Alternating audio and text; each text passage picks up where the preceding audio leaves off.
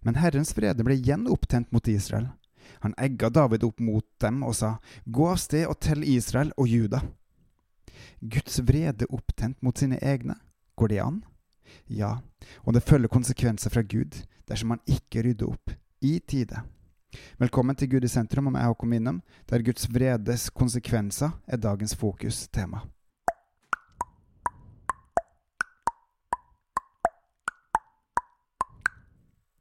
Vi leser videre fra andre Samuels bok, kapittel 24.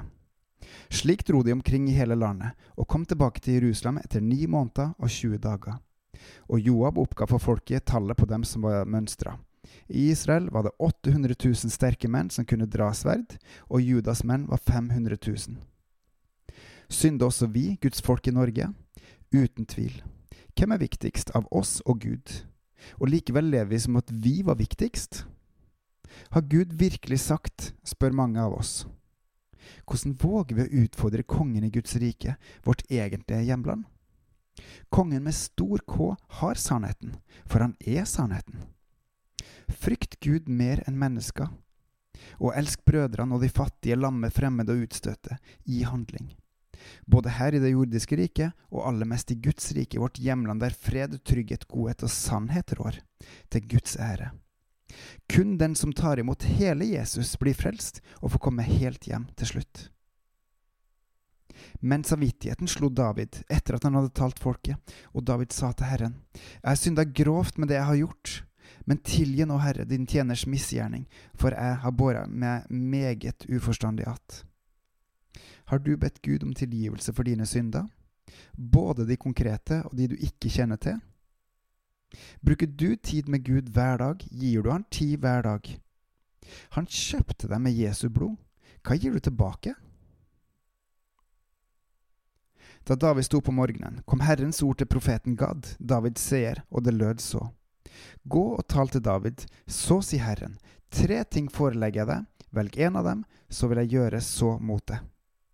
Jeg er redd vi, hans folk i Norge, ikke ser vår store synd, at vi tilber oss sjøl i stedet for Gud. Vi blir e som Iselsfolket på vei til Babylon, og vi ser det ikke.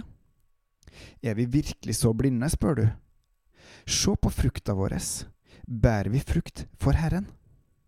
Eller er vi for opptatt med tornene, bekymringer, rikdom, lyster, hobbyer? David fikk tre valg fra profeten, uten noe mer info. Hva valgte han? David sa til Gad, ei stor nød, la oss da helst falle i Herrens hånd. Hvorfor vil han falle i Herrens hånd? Jo, svaret kommer rett etterpå. For hans barmhjertighet er stor, altså Herrens barmhjertighet er stor, men i menneskers hånd vil han nødig falle. Herren kan vi stole på, mennesker ikke. Veit du ikke at Gud har skapt alt på jorda?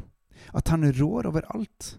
Hvordan kan vi da latterliggjøre hans evangelium med å berike oss sjøl og ikke gjøre det rettferdige som Gud krever av oss?